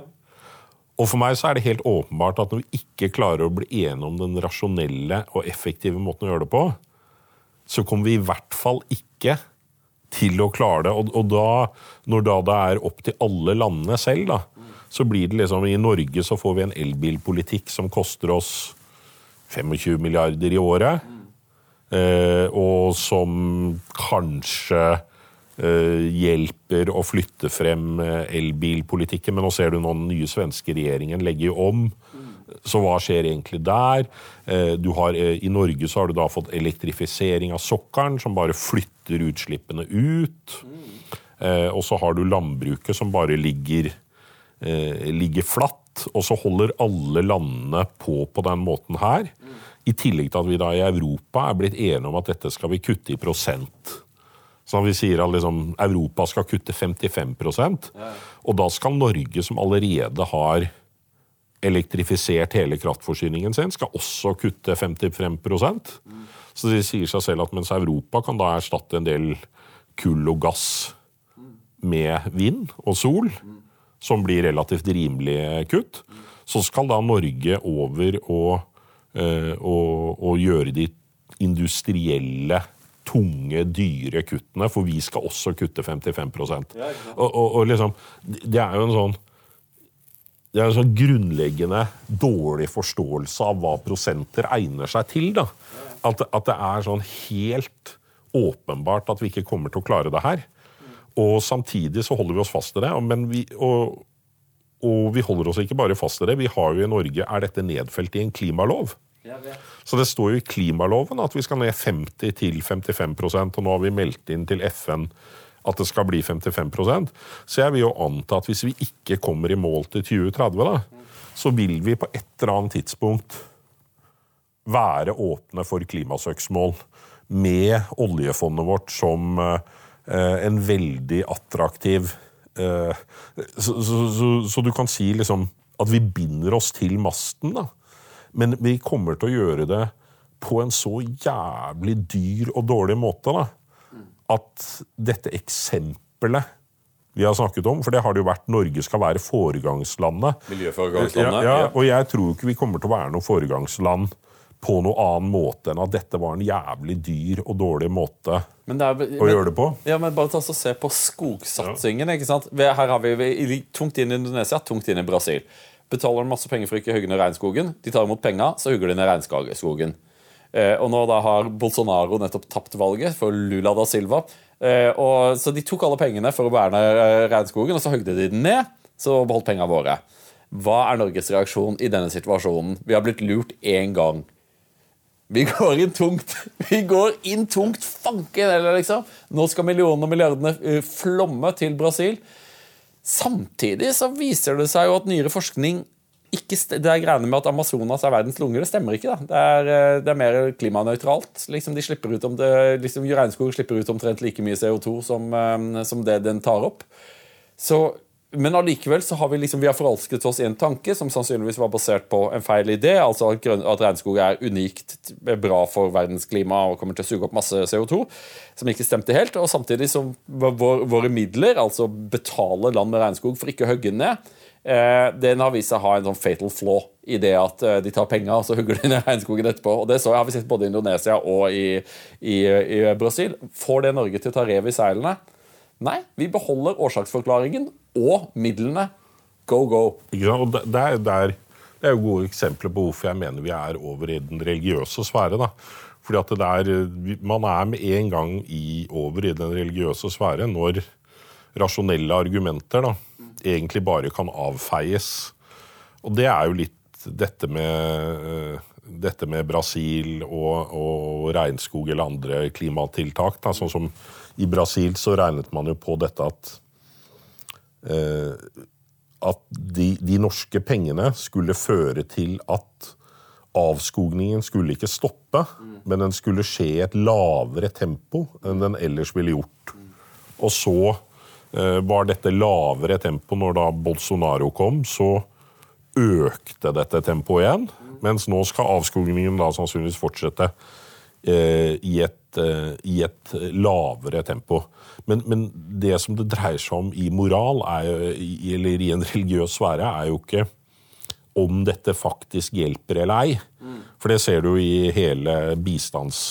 ikke sant? Det er jo ikke noe sånn at Bistands-Norge forteller hvor mange de hjelper, eller hvor mange som får det bedre, eller at de holder frem land som er blitt rike med bistand. For det finnes ikke. Nei, det er, det er bare eh, det, det er bare å si at man har uh, den rette intensjonen, ikke sant? Så, så det er en, og det er jo veldig typisk.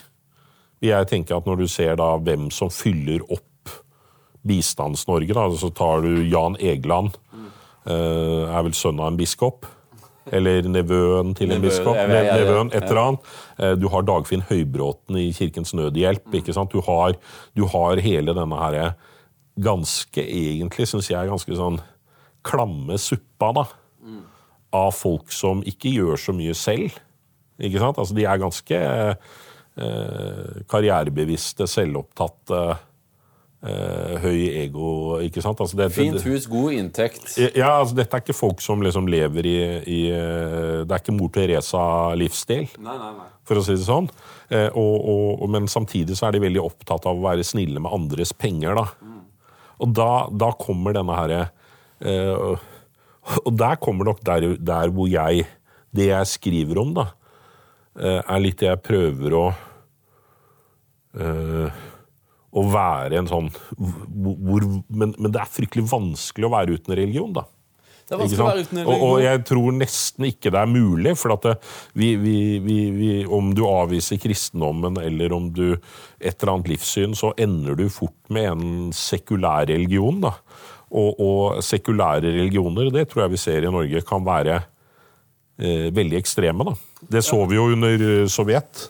Ja, men så Woke er jo i ferd med å bli et, sånt, et, et samlet verdisystem der liksom klima og rasisme og transseksuelles rettigheter alt sammen liksom passer sammen innenfor en, en sånn kvasimoralsk ramme. Men jeg synes det er interessant i din andre store bok, 'Aftenlandet'. Eh, for de som ikke vet det, så er det Europa er Aftenlandet pga. at solen står opp i øst og går ned i vest. og Det er derfor Japan er den oppadstigende sols rike, og vi er Aftenlandet.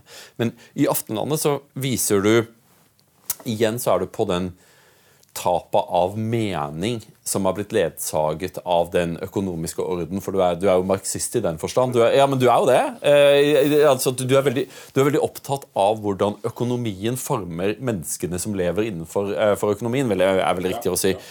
Eh, men du, i, i, denne så er, det, så, så, så er, du opptatt av islamisme som en, som en slags anklage da, mot et fragmentert Europa. Der eh, liksom at de har mange utfordringer, men mening har de, og det er det vi mangler, på sett og vis.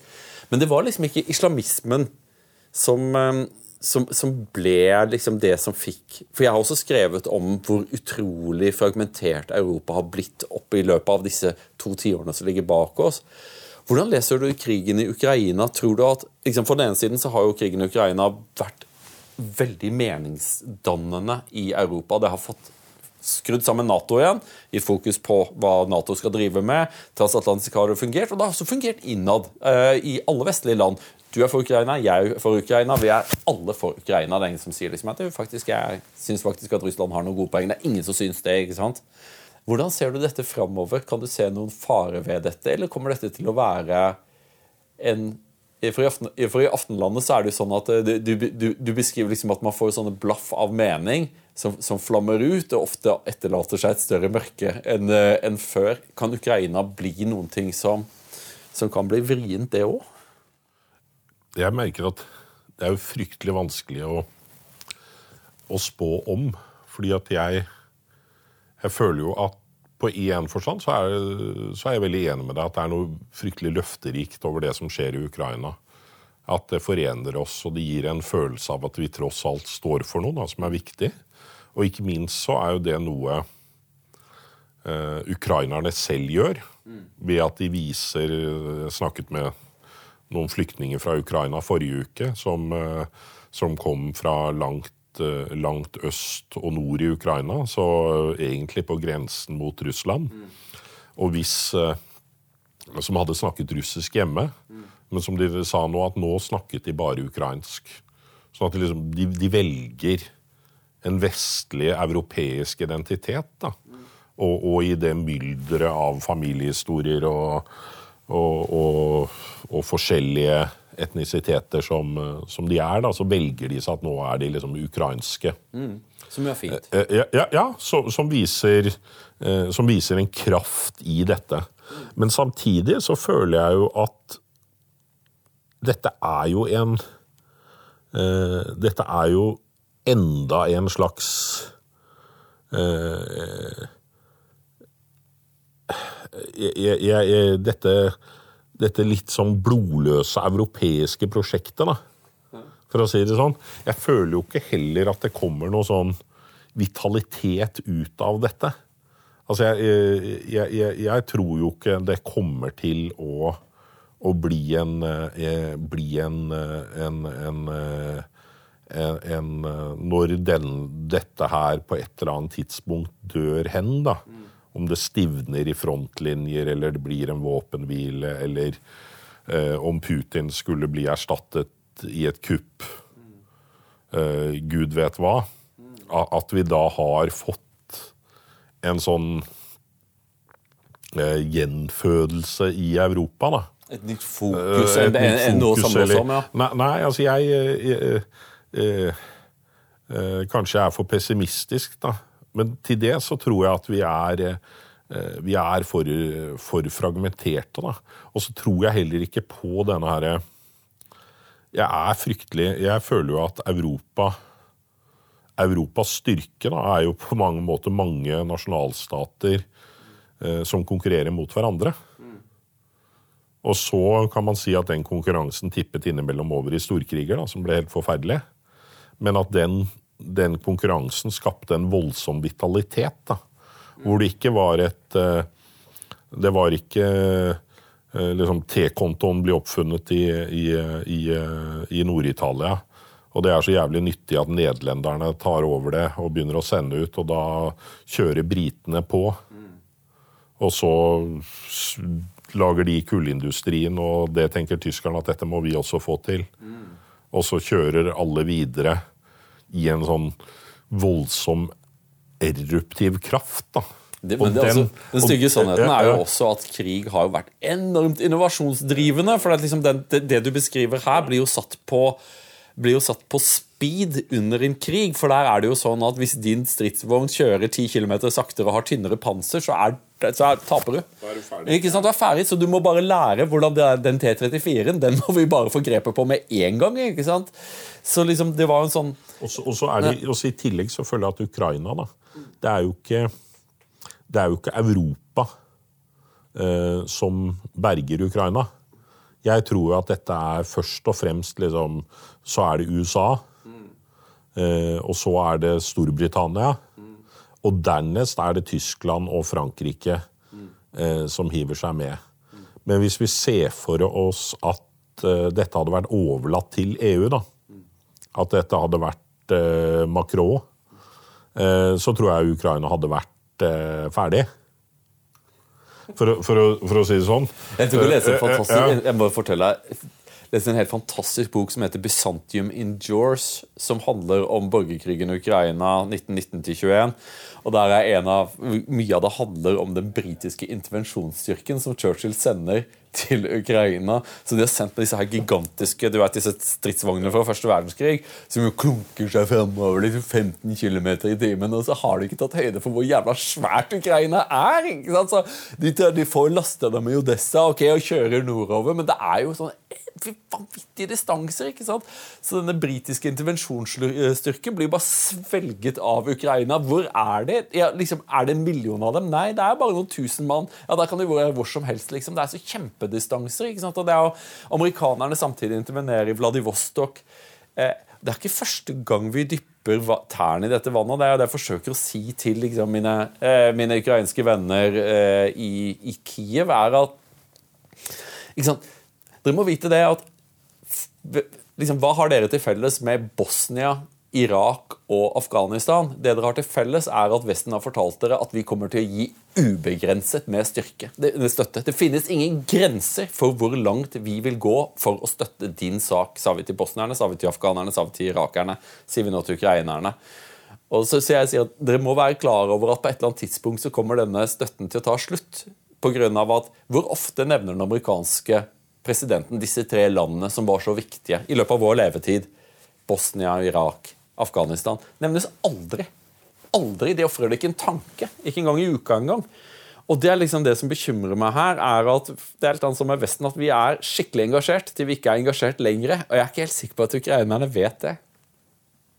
Nei, den er, den er ganske Den er ganske dyster. Og så skjer det jo en Det er jo en eh, Men, men Russland er på en måte Jeg sliter jo Hvis jeg skulle blitt eh, optimist, da, så var jo det hvis man kunne tenke seg at det kom en, en, en revolusjon i Russland eh, som hadde en sånn eh, Peter den store-fortegn, da. Men, men, men. Putin vil jo være Peter den store. Har du sett, De har bygd det kjempesvære Peter den store-monumentet i Moskva. Eh, Borgermesteren der bygde det. Og, og Peter den store der, ansiktstrekkene Han sitter jo på stoppen av han er en sånn kjempesvær mast med Peter den store på toppen og liksom holder fast i masta. Og ansiktet ligner litt på Putin. Ja, nei, men da, men da mener jeg Peter den store i den forstand at de virkelig også ville ta inn europeiske institusjoner. da. Og ha den, hvis du ser på Det er veldig mange som betrakter Russland, som beskriver Russland som uh, noe helt annet. Norman våger, Russland er et annet sted. Russland er et annet sted, og det er, liksom, det er en det er en gåte pakket inn i et mysterium skrevet i kode, og vi kan egentlig aldri forstå det. og Det er, det er asiatisk, og det er litt europeisk, og det er det nye Rom, og det er helt eh, eh, Mens jeg tenker uh, uh, jeg, jeg er vel litt mer den at, at hvis hvis første verdenskrig hadde tatt slutt i 1916, da, så kan man veldig fort se for seg at, at, eh, at du hadde fått en, eh, en eh, ikke-bolsjevikisk revolusjon i Russland. Og, og, og ting ville gått helt annerledes. Altså, Og- altså At Keletskijs revolusjon hadde fungert, Ja, og ja, Lenin ikke hadde gjort det, det han gjorde i oktober. Lenin hadde ikke fått det til. Du hadde ikke fått Stalin, du hadde ikke fått uh, Holdomor du hadde, det, det hadde blitt et helt annet Russland. da. Eh, og, og, og i Aftenlandet så skriver jeg jo en del om Sovjet. Fordi at det jeg, det jeg bruker der, er, det er egentlig denne det er denne forståelsen av at både, både Vesten og Sovjet var to økonomiske systemer da, som egentlig sa 'glem himmelen', 'glem det neste livet', eh, men vi skal gi deg himmelen her. Og så viste det seg over tid at Vesten sitt økonomiske system var overlegent. da.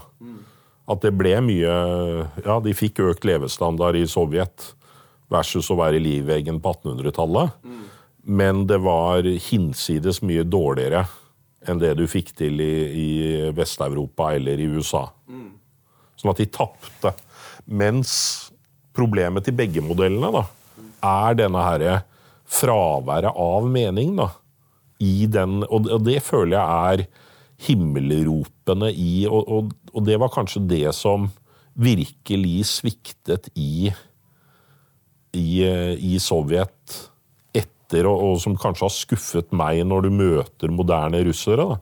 For at da merker du at det de har tatt fra Vesten, har gjerne vært det aller dårligste fra oss i Vesten. da. Skamløs konsumerisme. ja skam, ikke sant? Mens eh, den kulturen da, som levde som en slags sånn frirom fra det totalitære, det, det ble liksom skylt ut. ikke sant? At hva, hva i all verden skal vi med det? Eh, sånn at det, det jeg, jeg er vel mer fristet til å se denne krigen, Ukraina-Russland, som mye mer av en slags sånn avslutning, da enn en start på noe nytt. For jeg tror at det er jo ganske åpenbart Eller i hvert fall var det åpenbart for meg før det her, da, at jeg var jo ikke noe, jeg, jeg var ikke noe optimist for det ukrainske samfunnet på sikt. For du jobba med Ukraina, har du ikke det? Jo, lite grann som råvaremegler. Vært der en del. Og, og, og da var det eh, fryktelig korrupt, elendig demografi, store forskjeller, eh, masse kleptokrater som forsyner seg. Egentlig liksom minner veldig mye om Russland. Eh, med den eh, store forskjellen at de bytter president innimellom. Yeah. mellom en uh, russiskvennlig og en eh, Og så har du da Russland, som har liksom korrupt, styrt av KGB. Så du har jo en friere presse og en åpnere debatt i Ukraina. Men, men ingen av liksom, samfunnssystemene slår meg jo som, som sunne eller funksjonelle eller vitale. Og hele tiden med en hjerneflukt av smarte folk. da. Eh, og som jeg vil anta at eh, nå, nå skjer jo det. ene er at veldig mange av de beste i begge landene dør ved fronten. ikke sant? Altså De patriotene med et godt hode da, melder seg kanskje eh, i begge land. Eh, og, og i tillegg så er det da eh, de med enda bedre hoder. De stikker vel, Ja. hvis de kan. Eh, 200 000 av Ja, ja, ja. eh, universitetsutdannede russere som har stukket. Ikke, ikke sant? Og, det, og det, er jo land som ikke egentlig har råd til det her, da. Eh, altså denne eh, Og det tenker jeg også er en sånn ting som vi ikke snakker om, er Sånn som i Norge er jo Jeg har jo skrevet en del om ikke-vestlig innvandring, men hva gjør f.eks. den store innvandringen fra Øst-Europa, da? Hva gjør den med land som Estland, Latvia, Litauen på sikt? Altså hvordan kan eh, eh, hvordan blir det med disse landene her når, eh, når alle stikker, og, og, og, og, og hva skjer da? Men du må ikke tenke på at ikke, ikke alt i denne verden er jo negativt. Jeg tok og snakka med en, eh, jeg, en av mine bestekamerater kommer fra en ganske, ganske hardcore IRA-familie fra Nord-Irland. Eh, og så prater jeg om hvordan går det i nord og sånne ting. Og han sa, ah, nei, liksom, nei, det var bare, det var bare greit. liksom, det Hele IRA-greiene er over. Og så sier, så han at du skjønner det også, at ja, vi er endelig kommet til flertall. Hæ? Ja, vi katolikkene vi er kommet til flertall i Nord-Irland. Og det var jo noen ting vi prata om, at den dagen vi kommer i flertall, fy fader, da skal de få, liksom. Da er vi ikke minoritet lenger, da vinner vi valgene. Men så viser det at disse, ganske mange av dette flertallet var faen meg polakker. som jo også er katolikker, men de er ikke sekteriske. Så de blir jo ikke med på hele den Sinn Fein-greia. liksom. De er jo bare der for å, for å jobbe og stå på morgenen og liksom, ja, de er katolikker, men ikke, har ikke noe hat mot protestanter i det hele tatt. Og det å sende inn noen titusener med og noen hundretusener av polakker har faktisk dempa hele den sekteriske greia i Nord-Irland, som egentlig er positivt. Ja. Nei, er, men hva gjør det med eh, Men hva gjør det med Polen, da, på sikt?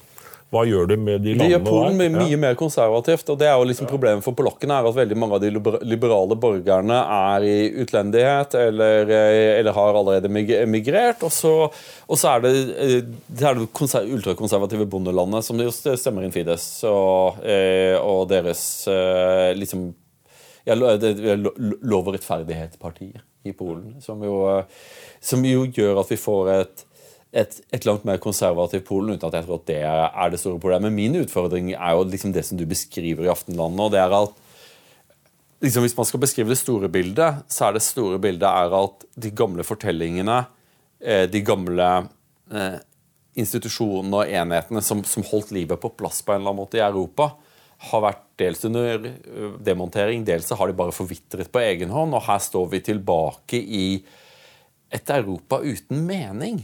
Eh, og så kan det, få, det kan jo få mening på, i sånne blaff, der vi liksom at Russland invaderer Ukraina. Det gir jo mening å støtte Ukraina, hvis fanken gjør det det. Men så er det liksom, det funker ikke helt. Ser du noen vei ut for For du, du sier liksom at det Jeg er jo enig med deg. At jeg tror at Europas Hvorfor oppsto sivilisasjon eh, med stor S i nettopp vår del av verden? For det er så forbanna mange stater her. Og med all den konkurransen så skaper det en helt unikt innovasjonsvennlig kultur. Jeg tror ikke at det handler om rase eller, eller kultur nødvendigvis engang. Jeg tror det er bare det at man hadde dette lab-eksperimentet akkurat her, og så hadde vi ikke den klamme hånden til imperiet. Men imperiet har kommet, gutten min. Det heter EU. Og EU så, så skal, skal liksom styre konkurransen, sånn som kommunistene forsøkte å gjøre det. at nei, skal vi liksom ordne opp i dette. Men så får du jo ikke veksten på samme måte som kommunistene, samtidig som at de gamle greiene, liksom kirken og ekteskap og kjærligheten, kulturen, da Shakespeare, for fanken, liksom. Det er ingen av dette her som, som binder oss sammen lenger. Hvordan ser du veien framover? Kommer det en ny religion? Jeg tror Altså, vi har jo en ny religion. Det er jo litt av poenget mitt i nå skremmer du altså, meg. Jeg håpa at du ikke skulle ja. si det. vi, vi, den, den har jo allerede kommet. Og den er, men, men den er jo en stor del av problemet. da. Ja. For det er jo som alle imperier, så har det jo Men jeg tror at denne eh, Altså hvis ting ikke er bærekraftig, da, så kommer det til å falle sammen. Og det tror jeg Og der tror jeg vel egentlig Altså, Ta brexit, for eksempel, nå. Nå er jo veldig mange opptatt av at brexit viser hvor håpløst eh, det er å bryte ut av EU. Eh, og da tenker jeg at kanskje, kanskje, kanskje gjør det det. Men om ti år eh, så ser vi det tydeligere. Om kanskje, tysk, eh, om kanskje da britene har klart å, å gjenreise en slags fungerende nasjonalstat innenfor dette. Det kommer jo til å være veldig problematisk for EU hvis det funker. Ja, ja. Og i så fall så tror jeg også at denne, den rollen britene spilte i EU, da, eh, den tror jeg ikke kommer til å gjøre EU mer eh, eh, Mer eh, Altså enklere for andre land. Og så tror jeg også at hvis du ser da på et land som Tyskland, da, så, så føler jeg at Tyskland har også en sånn grad av dysfunksjonalitet. da bakt inn i seg at, eh, at, eh, at de kommer til å, å slite veldig stort om ti år. Og du har nå en sånn denne enorme planøkonomien da, som skal gjennomføre dette grønne skiftet her. Og, og som jeg sa tidligere, at, at vi nå vedtar Altså, vi klarte ikke å bli enige om en effektiv og rasjonell måte å gjøre dette på, så nå skal vi heller gjøre det på en dyr og irrasjonell måte med alle mulige teknologisatsinger og eh, ulike eh, taksonomier og gud vet hva man kaller det. Som i hvert fall så kommer det til å gjøre dette skiftet her mye, mye dyrere. Ja, også, også, med, også at vi skal lyve for oss selv, da. Ja, og det kommer til å, det kommer til å avindustrialisere Europa. da. Hvis det, vi, alle, vi, vi kommer til å ha verdens dyreste energi. Og det er ikke bærekraftig. Altså det, det, det kommer til å eh, det kommer til å, å, å bli en smertefull prosess. da. Og når, hvordan den prosessen faller ut, da, hvis man da klarer å enes om en eller annen form for, eh, for konkurranse mellom nasjonalstater. Men jeg tror også det er er kanskje gamle liberalisten i meg. da. For det er jo også noe med denne velferdsstaten vi er blitt så glad i i Europa. da. Hvis vi skal ha én verdi alle i Norge, inklusiv meg selv, er veldig opptatt av, så er jo velferdsstaten. Men ulempen med velferdsstaten er jo også at den er litt øh, Den er litt drømmen om sanatoriumet, da. ikke sant? Sånn at liksom at en dag så liksom Hvis ting går gærent, da, så skal vi alle kunne ha et eh, et eller annet trollfjell hvor vi sitter og ser utover og, og, og, og tar et glass vin i, mens vi venter på, på slutten. Og, og, og hvor Mens den der virkelig sånn knallharde konkurransen som du beskriver, da, hvor nye ting vokser frem. Eh, og, og det er jo ikke noe sånt synonym altså vi, i, I Europa så tror jeg rett og slett eh, vi er veldig opptatt av å få det behagelig. da. Og jeg tror at det å eh, Eller for meg selv, da, det, du spurte litt om energi. Jeg tenker jo sånn at behagelighet og ro og lykke, da. Det er jo sånne ting jeg egentlig ikke har søkt etter i mitt eget liv, da. I en forstand. Eh, Sånn paradoksalt. Mens jeg er mye mer opptatt av verdi, da. Mening. eh, Og, og, og har vært ganske en sånn høy risikotype, da. Men var du et veldig moralsk barn? Nei, det vil jeg ikke si. Sånn, um, Hva mener du med moralsk barn? Sånn, Nei, for det, det er jo sånn, hvis, hvis, hvis man skulle være litt sånn utrivelig mot Olas Bjørnes, så er det jo sånn at liksom din avsky for dobbeltmoral og hykleri peker hen imot en ganske sånn akutt moral som må ligge i deg også. Du liker ikke bullshit, du liker ikke bli løyet for. Du liker ikke, du liker ikke liksom eh, løgnene, vi fortal, de, eh, løgnene vi forteller hverandre. Men i, så det må være et slags grunnfjell også i deg, der du faktisk er opptatt av rett og galt. ja, jeg er i hvert fall opptatt av ja, rett og galt, men jeg er i hvert fall opptatt av sant og usant. da. For å si det eh, For å si det sånn, for det føler jeg er mye mer håndterbare størrelser da, enn en rett og galt. Rett og galt er, er eh, da, da dukker det opp masse gråsoner, men liksom enten så skjedde noe, eller så skjedde det ikke. Enten så er det du sier sant, eller det er ikke sant. Der, der føler jeg det er mye enklere å jobbe, jobbe binært. Da. Men når du da er på seg selv liksom, Det er jo litt det er jo litt derfor man velger romaner. Da, er jo at det å, holde, det å skrive romaner er jo var jo Ibsen var det vel, som sa at det er som å holde dommedag over seg selv. Og det er øh, Og det er det jo. Eh, og, og så er man jo alltid da eh, Vi driver jo alle og, og generaliserer ut ifra For å vende tilbake til Stolzenitzer, da, en av de tingene jeg siterer fra ham i Aftenlandet, er jo denne at, eh, at det finnes like mange sentrum eh, i verden som det finnes mennesker. Det er en av de mest sånn geniale setningene jeg, jeg vet om. Og det er jo litt at vi har jo alle har jo bare dette her ene vinduet, da. Og så sitter vi og ekstrapolerer ifra fra vår, vår lille utsikt, da. Og så gjelder det da å være så åpen som mulig og snakke med mennesker og prøve å få innblikk i hva andre ser, da. Ikke sant? Men man må også Ja. være Ja. empatisk. Men så, så Ola Asbjørn, nå skal vi ta så, nå skal vi gå inn for landing, men jeg tenkte lytterne og seerne må få lov til å få én siste innsikt av deg. Hva? Vi, vi har diskutert et Europa som er fragmentert, og som trolig ikke kommer til å finne en ny mening i Ukraina-krigen. Eh, hvor mye av det vi burde ha lært, har vi glemt. Hva er det Europa ikke gjør som Hvis du bare kunne si én ting som du gjerne skulle ha fiksa Det er en sånn som Europa burde gjøre, og som vi faktisk ikke gjør. Eller Norge. Du kan velge selv. Én ting En som ting. Det kan være om eh, naturressurser vi burde, vi burde utnytte. Det kan være, burde tan være tanker vi praktiserer institusjoner vi burde bygge. Jeg tror det, det store, den store feilen vi gjør i Europa, det er den at vi etterligner USA. At vi sier at europeiske Altså USA er, eh, ble så ledende da, innenfor universiteter, innenfor økonomi, alt, at, at, det ble liksom opplest og vedtatt at hvis vi skal kunne konkurrere, så må vi bli Europas forente stater. da. Mm. Og så skal Belgia bli som uh, uh, Wyoming, og, og, Italia skal bli Florida. Mm. Og så skal vi få den samme dynamikken. Mm. Og den tanken Altså, uh, hvis, hvis, du ser innenfor f.eks. denne nettverksøkonomien, da.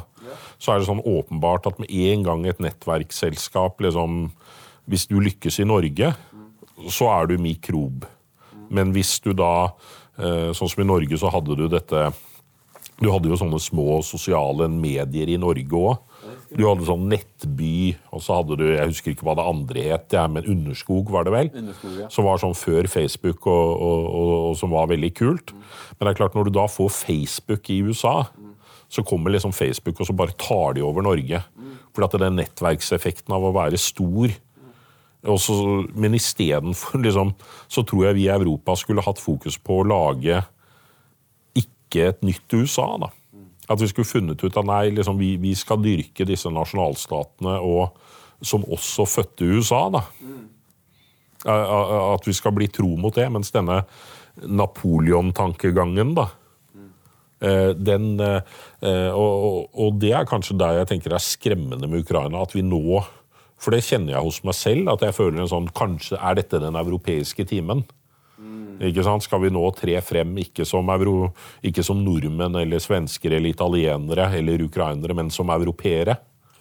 Ikke sant? Og, du husker Jacques Paus i 1992, sier den luxemburgske utenriksministeren, som naturligvis da er leder for rådet This is the hour of Europe, not of the Americans, sier han. Det er Europa som skal fikse den jugoslaviske borgerkrigen. Det var i 92, det var før den ordentlig starta. ja, og jeg tror Ja, jeg, jeg tror den ideen, da at, Og i tillegg så er jo ikke USA lenger dette idealet. Hvis du ser, hvis du ser eh, I hvert fall hvis du legger til grunn Thomas Seltzer sin beskrivelse av USA, da så er det veldig vanskelig å ha eh, ha USA som vi hadde i vår ungdom. da, Det er liksom Men det er i hvert fall ikke forenlig ja. med den velferdsstaten som du, som du påpeker. ikke sant? Europa utgjør 7% av verdens befolkning og står for 50% av alle verdens velferdsutgifter. Så vi har de dyreste velferdsstatene, og vi har ikke råd til dem lenger. Og det er jo liksom at og Hvis det finnes noe mening, så er jeg helt enig med deg. Mening er velferdsstaten. Hvis, hvis, vi, skal, hvis vi, skal, ha en religion som allerede er etablert, velferdsstaten. Ja, Men så er det jo den saken med Amerika, og det er noe man ofte glemmer, er at Amerika er Det er brutalt. Og det er også noe av deres seiersoppskrift, er den utrolige brutaliteten som ligger i den amerikanske kapitalismen, som er en sånn der skyld deg sjæl-type. Du, du, ser jo nå bare med Elon Musk, ikke sant? sparke 50 ja. altså, du kan jo tenke, altså i Norge ville jo Jeg kan jo aldri tenke meg at hvis noen hadde fått kjøpe opp eh, Hydro, da, og så sparke halvparten i løpet av en uke ja, eller for eksempel, bare si at staten sa nå bare kutter vi ut halvparten av liksom I Norge så er det rundt 100 bistandsorganisasjoner. Hvis, hvis staten sier at det er altfor mange, altfor mye av pengene som brukes på ikke å hjelpe folk i den fattige verden, altfor mye brukes her. 50% av dere rett vekk fra, fra budsjettet nå. Skal, liksom, vi, vi, satser på de vi jobber best sammen med. Som burde være fanken meg lavterskeltilbud. Umulig! Ikke sant? Og det er jo det som er liksom det, det jeg ser med Europa, er et Europa som, liksom, som har spent seg fast i sin egen sånn der uh, asyljakke. ikke sant? Ikke, men ikke klarer, som ikke klarer liksom, med, Hva gjør du med hendene spent fast på beina? Men du kan du være mer spesifikk? Hvordan kan man bryte ut av denne tanken? Da? Denne, denne her eh, amerikanske allegorien, hvis vi sier at vi skal bryte ut av allegorien?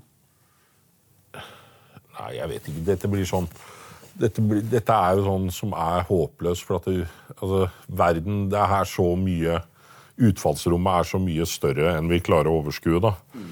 Og, og det, det, kommer til å skje så mye uventet uh, uh, som dukker opp. Men, men, jeg er jo Hvis det er et eller annet jeg er litt optimist med, da, så er det i den grad vi klarer å holde på en åpen, fri samtale altså, som er ordentlig fri. For der føler jeg at det ligger en sånn enorm styrke da, i det å Der ser du vel forskjellen på Ukraina og Russland. at uh, at de har hatt en politisk debatt. da. De har hatt folk som sier Som kan ved valg bytte ut uh, den ene kleptokraten, og så kommer det en ny kleptokrat, men da kan de bytte ut ham også. Og så over tid så får vi kanskje uh, så, så, så, så, får vi kanskje ryddet opp i det. Men uh, og, og, ser du verden over tid, da, mm. så tror jeg jo at etter hvert som Altså, kunnskap er fryktelig vanskelig å kontrollere. da. Når du først har liksom fått kunnskap inn i Eh, inn i et rom, inn i et system, eh, så blir det vanskelig å, å ta, å ta f.eks. Kina nå. Da. Nå virker det allerede som om at han eh, Jinping da, legger så klamme hender da, over Kina og over hva som kan sies der, at det kanskje truer den kinesiske vekstmodellen. Da. Og at vi hele tiden, eh, gitt at vi snakker så mye om problemene, så virker våre problemer så store. Mens de snakker ikke om sine problemer, så de virker så små. Ja, Der blir det nok en sånn skjevt. Så, så, grunnleggende sett så er jeg vel egentlig en optimist, da. gitt at vi bare Vi må bare fortsette å ta alle de ubehagelige Men, men i den grad denne woke-bevegelsen, eller hva, denne politisk korrektheten, da, eh, skulle feste seg, liksom, så ville jo det være sånn kjempe kjempeproblem, men jeg, jeg, jeg, tror jo ikke den kommer til å gjøre det. For at den er så teit. ikke sant? Den er så, det, det, den, er, den er så teit, og den er så feilaktig, og, og den kommer til å bli sprengt uh, innifra. da. Ja, selvfølgelig. Ja, men Det er utrolig positivt at du sier det, eh, Ola Bjørnes. Eh, jeg vil takke deg for at du kommer med en så utrolig positiv For jeg mener at dette var en genuint positiv uh, konklusjon. Jeg, jeg tror at frie, åpne samfunn i debatt med seg selv vil kunne møte eh, den uoverskuelige utfordringene som vi, vil få i fanget. vi vet ikke hva det vil være, men vi vet at det kommer til å bli vrient. Og jeg er helt enig med deg, liksom at Det er jo det vi må klamre oss til. er jo liksom Så lenge vi kan være uenige med hverandre, så lenge vi holder liksom religionsfriheten, trykkefriheten, tallfriheten høyt, så kan ikke noe av dette ramme oss. Jeg er helt enig med deg også at uh, woke det er, det, det, det er, de forsøker oss De burde selge det et annet sted. For vi er ikke den type samfunn. Jeg tror, at, jeg tror at det er begrenset for hvor mye uptake det kan være for woke-intoleranse i frie samfunn. Jeg tror at man kan flørte litt med det eh, på college, sånn som mange gjør med mangt på college. Eh, men jeg tror at når man kommer i kontakt med virkeligheten, så kommer de, veldig mange til å ende opp i samme leir som eh, Ola Asbjørnes. Ola Bjørn, det har vært en ære og en glede å ha deg her på Torjus time. Tusen takk.